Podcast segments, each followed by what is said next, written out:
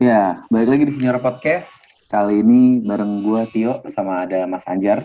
Halo Mas Tio. Sehat Mas Tio. Alhamdulillah ya. Alhamdulillah. Gimana semalam menang nih? Baru kali ini lihat tiga layar monitor sekaligus sudah kayak ngeliat mantau CCTV. Berasa kerjaan jadi ini ya, jadi Iya. apa namanya? Jadi si jadi kayak security gitu ya. Iya kayak NTMC Polda. Padahal ada tiga pertandingan yang menentukan sekaligus kan, jadi ya udahlah Nah, tonton aja dulu lah. makasih nih sebelumnya buat Hellas. iya dong, makasih banyak loh udah bikin kita punya peluang. Makasih. Ah, ah. Memang pemasukan tetap lah. Iya, pemasukan seenggaknya nggak berkurang dari Iya. champion. Ronaldo stay Ya. lah. Ya walaupun nggak juara nggak Scudetto ya musim ini, tapi seenggaknya Mhm. jadi obat lah dengan dengan apa namanya dengan kayak gini gitu kan dengan Heeh. dengan bisa masuk zona champion tapi sebenarnya lu kan ini kemungkinan kayaknya kalau misalkan si siapa namanya kalau si kita masuk champion ini Heeh. eh Pirlo bertahan nih stay stay ya. Mhm. Iya. menurut lu gimana Mas Anjar? Ya, gua kayaknya kayaknya nggak fair deh kalau ngelihat akhirnya performa Pirlo yang udah makin ke sini makin membaik terus akhir kayaknya kayaknya mendingan dikasih kesempatan dulu deh satu musim lagi. Karena menurut gua performanya udah mulai membaik chemistry sama anak-anak juga mulai membaik. Ya gue yakin ya bener kata yang sering kita bahas di podcast karena tim ini tidak disediakan untuk Pirlo. Tim ini di- tidak eh, dimaksimalkan oleh Pirlo. Barusan juga udah press Pirlo kalau ternyata banyak bakat-bakat yang di luar sepengetahuannya dia gitu. Hmm. Tapi Rabio makin baik mainnya dan Pirlo juga masih ngerasa walaupun belum ada obrolan sama manajemen ya, tapi Pirlo masih ngerasa dia 100% stay untuk musim depan. Iyalah, orang nggak dapat kesempatan uji coba friendly match segala macem, tiba-tiba nyemplung langsung match pertama lawan Sampdoria. Ya, sebagus-bagus tesnya dia ya tetap aja aplikasi di lapangan kan beda. A- akan ada reaction football, akan ada pengalaman lebih yang bisa ditambah, belum lagi cedera pemain, covid segala macam tuh jadi penghalang Pirlo musim ini gitu. Tapi mudah-mudahan dengan musim depan eh, timnya juga lebih baik, terus ada pemain-pemain baru masuk yang kapasitasnya memang di, sesuai sama keinginan Pirlo, ya kita lihatlah musim depan lah. Yang penting jangan mogok nonton Juve. Hmm. Kalau gue gini sih, eh, kita kan sebenarnya masuk zona champion tuh bukan karena bisa dibilang bukan karena bukan karena kita mainnya bagus banget ya, tapi Iya. lebih karena ya bisa dibilang ini beruntung lah ya. Kayak Hmm, Napoli bisa tiba-tiba imbang lawan Hellas. Kalau menurut gue sih kalau bisa upgrade ya ke Zidane atau Allegri ya baiknya ganti kalau Iya. memang bisa upgrade. Tapi kalau nggak bisa daripada daripada malah downgrade lagi nggak jelas lagi ya mendingan stay. Hmm, Kalau buat hmm. gue sih ya iya nggak sih kayak kalau bisa upgrade kenapa enggak nggak sih? Ih kalau iya benar-benar. Kan ada dua pilihan pelatih yang memang digadang-gadang sesuai sama Juve itu Zidane sama Allegri. Hmm. Tapi sebenarnya gue sih pribadi nih ya, misalkan musim depan Pirlo stay, terus Hmm. di liganya tetap kayak gini, tapi Champions League kita bisa minimal sampai final deh. Itu gue udah cukup seneng sih. Ya itu kan ekspektasi kita dari awal kan. Iya. Gue sih dari awal tuh udah berpikiran gitu kayak di liga, ya maksudnya kayak dari awal kan dari awal mus Signora season 1 ini kan kita semua selalu Hmm. apa ya selalu bilang ah Juve kayaknya nggak apa namanya nggak nggak nggak Scudetto musim ini maksudnya Iya, iya. bukannya doain ya cuman dengan segala macam kapasitas malah gue sudah dari awal kan udah berpikiran malah kemungkinan kita bisa nih bikin kejutan di Champions League ternyata sayangnya prediksi yang bakal angin-anginan di liganya benar yang bikin kejutan di Champions League-nya belum iya sih. Tapi ya dengan dua trofi ya sebenarnya gue nggak pengen ngitung yang super copa sih karena itu kan dia dapet karena satu pertandingan menang iya. gitu. Ah, bener. Tapi- Gue nggak pernah ngitung Super Copa kok. Ah, itu bonus lah, seenggaknya lah. Mm-mm.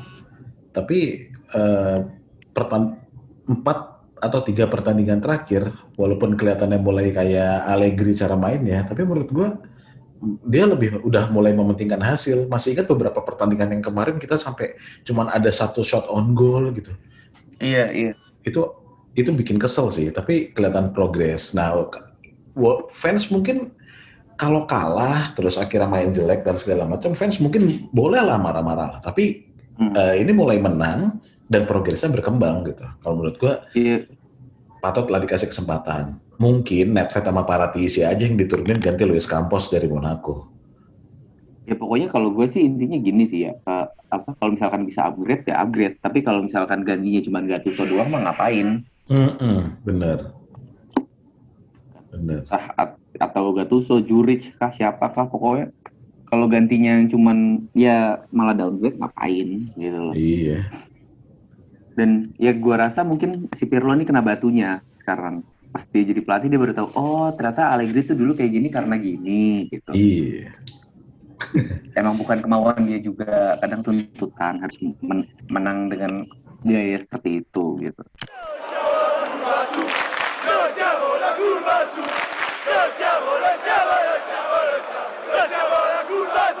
Ini kan terakhir Scudetto kan 10 tahun yang lalu ya.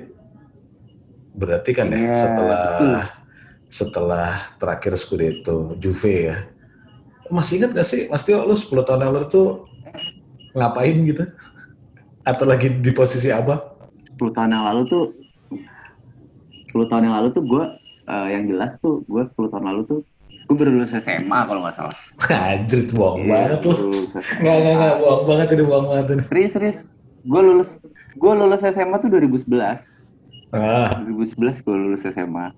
Ada tuh. Ada itunya, tuh. masih ada tuh ininya, apa ijazahnya. nggak, nggak, lu, gue lu ntar, lulus SMA 2011. lu kirimin di grup pokoknya ijazah SMA lu ntar. Ya udah kalau nggak percaya gue kirimin gue lulus SMA 2011.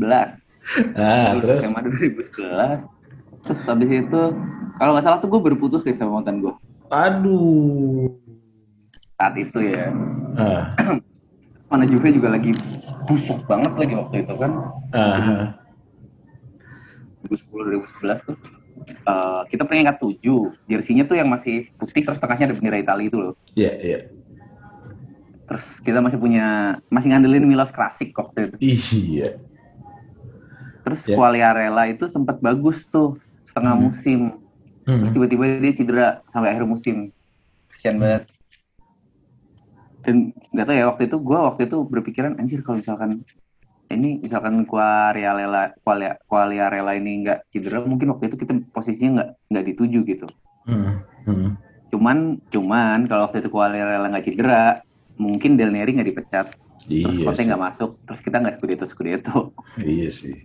Kita sempat dua kali peringkat tujuh kan di tahun itu ya. Ya, dua- kita kalah sama Fulham 4-1. Bayangin Fulham. Tim apaan tahu Fulham loh kalah 4-1. Malu banget gua. Waktu itu masih SMA kan gua dicengin habis-habisan di sekolah.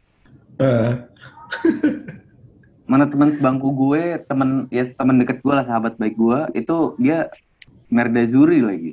aduh, iya sih. Iya sih. Aduh, abis gue dicengin tuh. Itu di umuran segitu emang ceng-cengannya parah tuh. Iya, iya, parah. Tapi kalau anak sekarang gue lihat ngefansnya ke pemain bukan ke klub ya. Iya, kebanyakan gitu. Hmm. Banyak yang Nah lu sendiri gimana Mas Anjar? sedih 10 tahun lalu ngapain lu? 10 tahun lalu tuh gue tiba-tiba dirisainkan sama sebuah perusahaan televisi berjaringan. Dirisainkan, itu gimana tuh dirisainkan? Jadi sebenarnya gue tuh double job. Ada kesempatan buat pindah gitu kan ke tempat yang lebih lebih lumayan lah, lagi happening dan orang pada pengen banyak yang ke sana, lagi hype gitu. Oke, gue tahu. Terus kebetulan dapat, gue pindah. Nah, karena Hmm. di sana butuh butuh cepet, jadi ya udah deh, oke deh, gue masuk deh. Gitu. Dan gue izin sama di kantor gue yang lama, kayaknya gue harus pagi di sana, malam di sini deh. Gimana? Oh nggak apa-apa, aman kok. Itu hitungannya tinggal dua minggu lagi sih sebenarnya. Ya udah, gue jalanin. Pagi sampai me- menjelang maghrib gue di kantor baru, maghrib sampai tengah malam gue di kantor lama. Capek sih gitu. Nah Hmm. cuman tiba-tiba kantor yang lama ngelihat absen gue nih ah kok ini orang datang jam segini dan absennya nggak pernah full? Ya udah lama-lama dipanggil ya karena gue sepolos itu dulu ya pertama pertama Hmm. awal-awal kerja ya gue bilang kalau gue udah mulai kerja di sini sebenarnya ya udah akhirnya HRD kan karena saling ngeling Mm. jadi ya udah ditelepon HRD sana di kantor lama gue resign di HRD sana gue di resign kan Ya, pas banget itu Ramadan nganggur dong waktu itu. nganggur sebulan gue Aduh, kasihan banget. Ngenak banget nganggur. sebulan Ramadan ya udah emang momennya lagi apa saja kayak biasanya gue nggak punya SIM aman-aman aja gitu tiba-tiba ada razia ya ya udahlah Iya, iya, iya, iya, iya. iya. nah kita juga sempat nanya-nanya tuh sama uh, Nah, Juventini semua nih Bener. Gue juga sempat tanya di Twitter lumayan banyak nih yang apa namanya yang respons gitu ya. Mereka bilang eh, mereka ada yang bilang gini nih. Hah. Hmm, gue waktu itu habis putus 10 tahun lalu dan udah 9 tahun sampai sekarang gue belum nikah juga ya kasihan maaf ya. aduh, 10 tahun dong. masih menunggu kali masih menunggu Kan ada Mantannya. tin, kan ada Tinder, ada OkCupid, banyak loh ada aplikasi. Bumble, Bumble. Nah, carilah, siapa tahu ada yang match. Iya. Terus ada lagi nih, eh, dia bilang waktu itu masih kuliah di negeri orang, masih Hmm. sendiri, dagu belum double chin, double chin, buncit belum kelihatan hilalnya. Setelah ditulis ternyata berasa lama juga ya. Itu dari Mas Andar Sofian di Twitter. Oh iya, yang tadi tuh Mas Bukhari Sutrisno yang putus dan belum nikah sampai sekarang. Aduh, sabar Mas Bukoria. Tapi kalau double chin gue juga sih udah sih. Iya nih, gue juga nih mulai kelihatan hilalnya. oh, ini si Mas Bori bilang lagi nih, Ah. kan gue respons kan, kabar Mas masih banyak ikan di lautan. Saya tadi gini, ikan di lautan banyak tapi titik-titik-titik, nggak tahu deh tapinya apa tuh. Iya, masalahnya dia kebetulan ke laut nggak bawa umpan. Ya udah, Oh, iya, iya, iya, iya, bisa jadi. nggak ada yang nyangkut deh jodohnya. Sabar Mas. Terus Habis itu ada dari Juve Garis Manja, dia bilang, terakhir kali masih jomblo, tapi sekarang juga masih sih. Nggak ada Ya, res. Akunnya rese sih, Juve garis manja. Terus masih jomblo. Ya, laut terlalu manja kayaknya deh.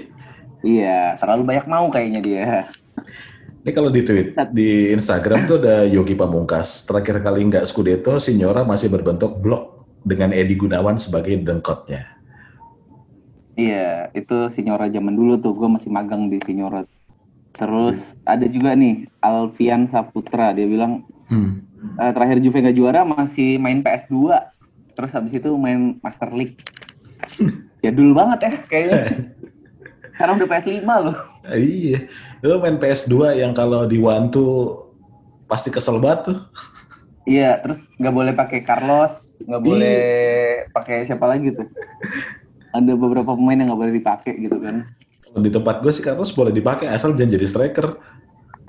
Oh iya, beda-beda aturannya ya tiap Iya. tiap tiap apa tiap rentalan. Terus ada lagi yang bilang gini, Juve dulu Ah. jagoannya masih Del Piero, sekarang malah yang bisa gantiin kayaknya Chiesa, kecuali Fagioli tiba-tiba bisa bisa jadi dewa musim depan. Fagioli masih jauh kayaknya deh. Belum ya. Hmm, biasanya eh, kita kan sekarang di era di mana banyak pemain-pemain muda tuh yang muncul bagus kayak Halan, kayak di Mbappe, Foden gitu ya. Di Hmm. Juve ya pemain muda yang udah kelihatan baru Delik doang. Iya. Kulu aja masih angin-anginan. Malah daripada Fagioli malah mungkin Kulu sih. Iya nggak? Iya. Semalam tuh Kulu tuh sering banget diteriakin sama teman-teman ya sebenarnya. Iya, Kalau- dia masih angin-anginan. Kalau lagi bagus, bagus banget. Kalau lagi Iya. busuk, busuk banget.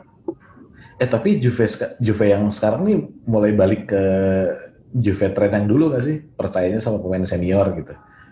Iya, iya, mulai, benar, benar. mulai balik lagi deh. Mm-mm. Oh ini ada lagi nih Mas Haha. Nares Sandro. Terakhir kali Juve nggak Scudetto eh, masih jomblo. Sekarang anak udah umur 2 tahun. Ye, akhirnya ada juga yang kisahnya nggak sesedih yang sebelum-sebelumnya. Dua tahun ya. Kalau beda kalau di Instagram ada UC Septriadi.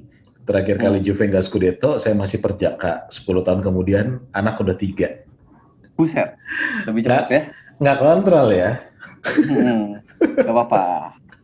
Terus ada Yudo Sulaiman nih. Terakhir kali Oh. Juve gagal Scudetto berat badan masih 60 kilo, sekarang udah 92 kilo. Dulu pakai celana ukuran 32, sekarang udah 36 plus nggak tahu. Iya iya iya iya.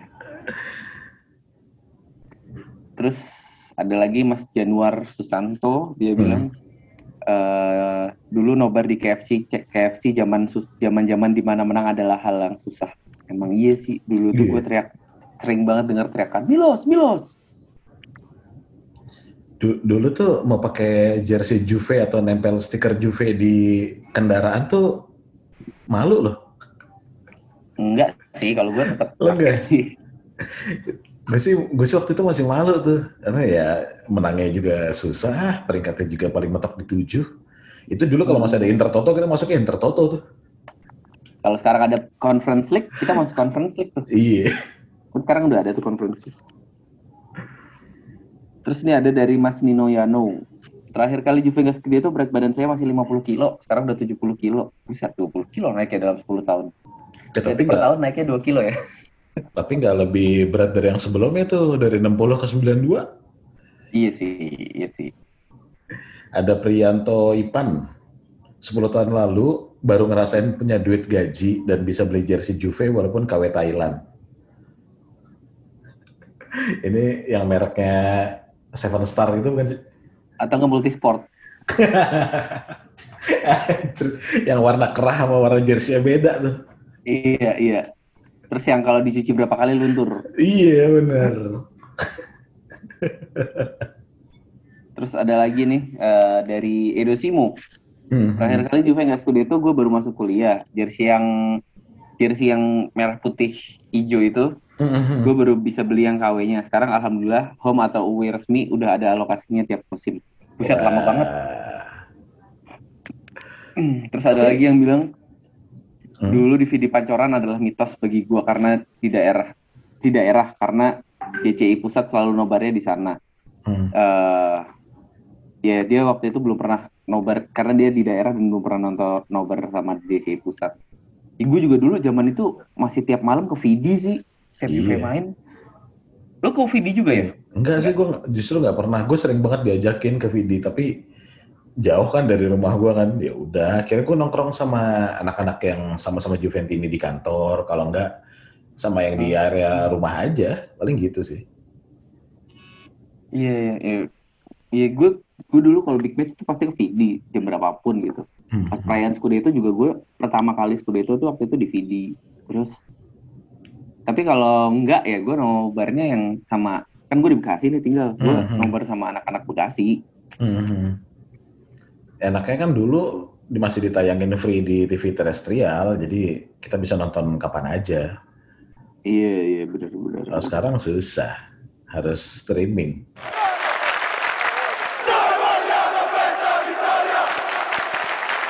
Gimana nih prospek musim depan? Musim depan gue sih sama sama sekali ngeblank sih mau apa gitu karena kita dari kemarin udah banyak ekspektasi yang kita keluarin gitu. Iya. iya. Semoga sih berharap satu doang sih paling jelas soal pelatih siapa musim depan.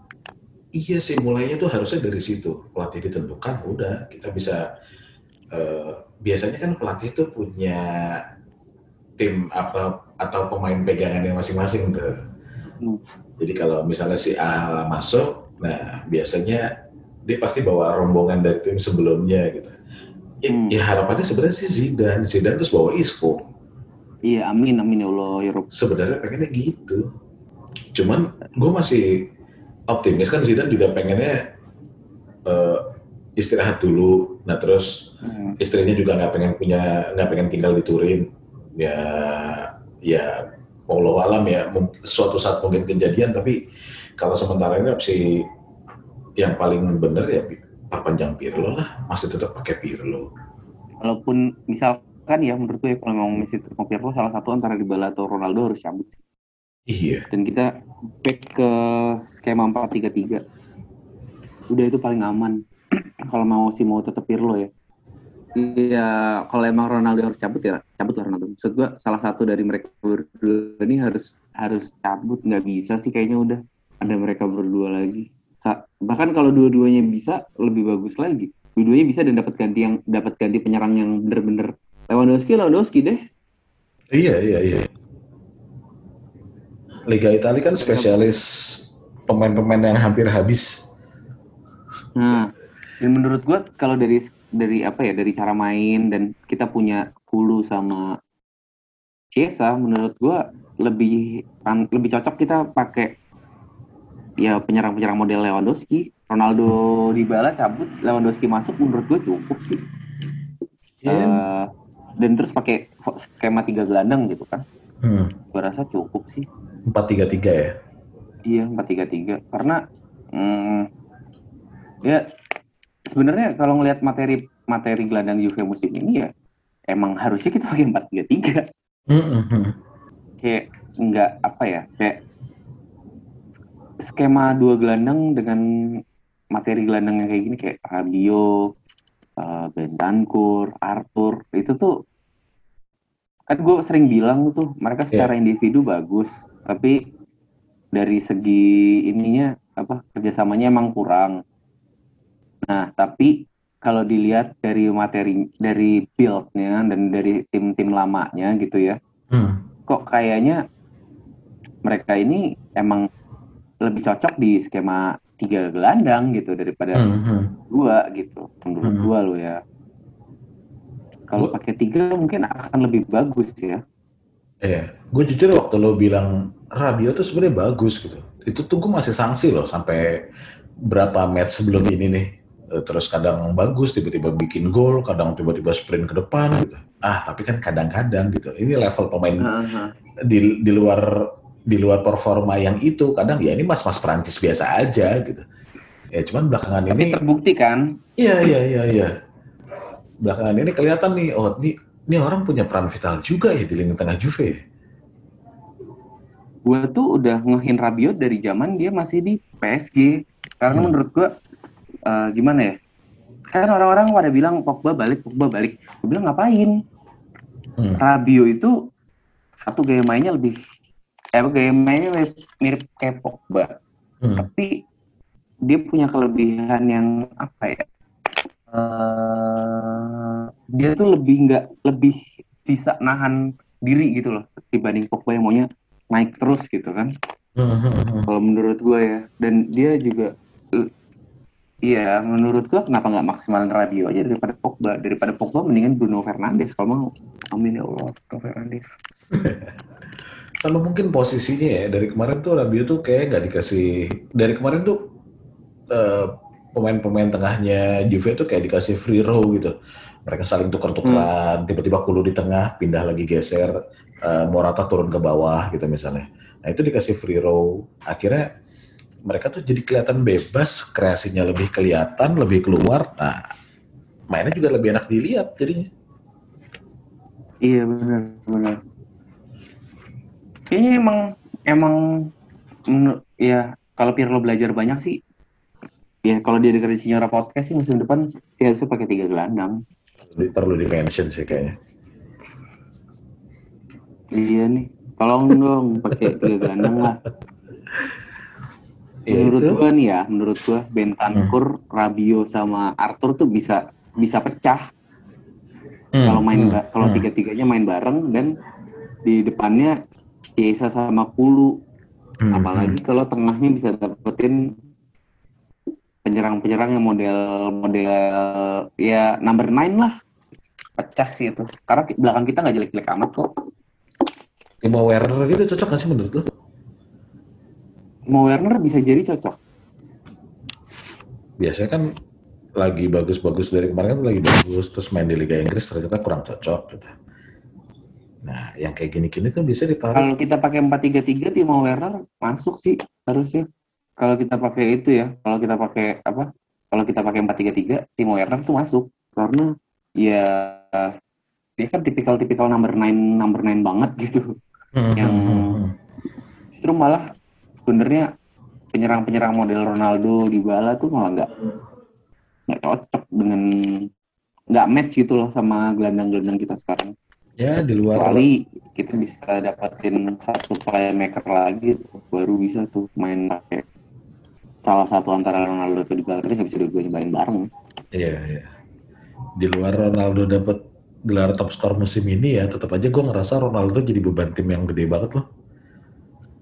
Mendingan iya gue nggak ngerasa beban ya gue nggak ngerasa beban tapi gue ngerasa dia tuh di kayak apa ya eh, ya dia nggak match aja tim tuh nggak dibentuk di maksudnya banyak yang bilang tim dibentuk di sekeliling Ronaldo enggak timnya nggak dibentuk di sekeliling Ronaldo ini Hmm, hmm. Nggak, maksud gue Justru pertama beban sebenarnya pertama beban gaji. Nah terus kedua dia tuh tetap nggak ngerasa punya teman yang klub buat main setiap pertandingan tahu sebenarnya. Ya terbukti Iya, kadang diajak wall pass, eh, ternyata pemainnya nggak ngeh. Nah, terus tiba-tiba terakhir pas lawan apa ya? Nah itu min oh pas lawan Sassuolo kalau nggak salah. Dia, dia tuh minta ayo ayo full press full press gitu. Tapi ternyata nggak mereka turun ke bawah gitu. Nah itu itu di situ tuh ya mungkin buat top jadi panutan secara prestasi individu ya gitu tapi ya tetap aja dia tuh selalu punya ambisi sendiri yang harus dikejar setiap hari gitu. Tahu gak sih sebenarnya yang paling cocok sama dia tuh siapa di Benzema depan Juve tuh Enggak, bukan maksudnya yang di Juve yang pernah ada. Kemarin-kemarin oh, Mandzukic oh itu iya pas sih. masih ada Mandzukic komplement banget tuh. Iya sih. Mereka berdua saling melengkapin banget tuh. Tadi gue pikir Matri loh. Kan Matri nggak main bareng di Juve oh iya? Oh iya oh iya. Kemarin terakhir masih main ya. Hmm, hmm, hmm. iya, Iya Mandzukic tuh Mandzukic kan kemarin sempet sempet dan gue liat klop banget gitu mereka Mandzukic dengan tapi sayangnya mau re- Iya. mau berkorban banyak sih dia iya makanya eh, cukup menyayangkan sih Mandzukic bercabut Hmm, kehilangan preman loh Juve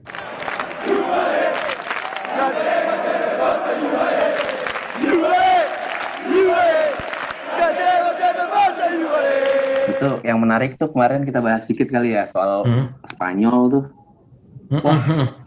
7 juta 7 juta termurah itu gua rasa 7 juta euro termurah itu yang pernah dikeluarkan oleh Atletico Luis Suarez hmm.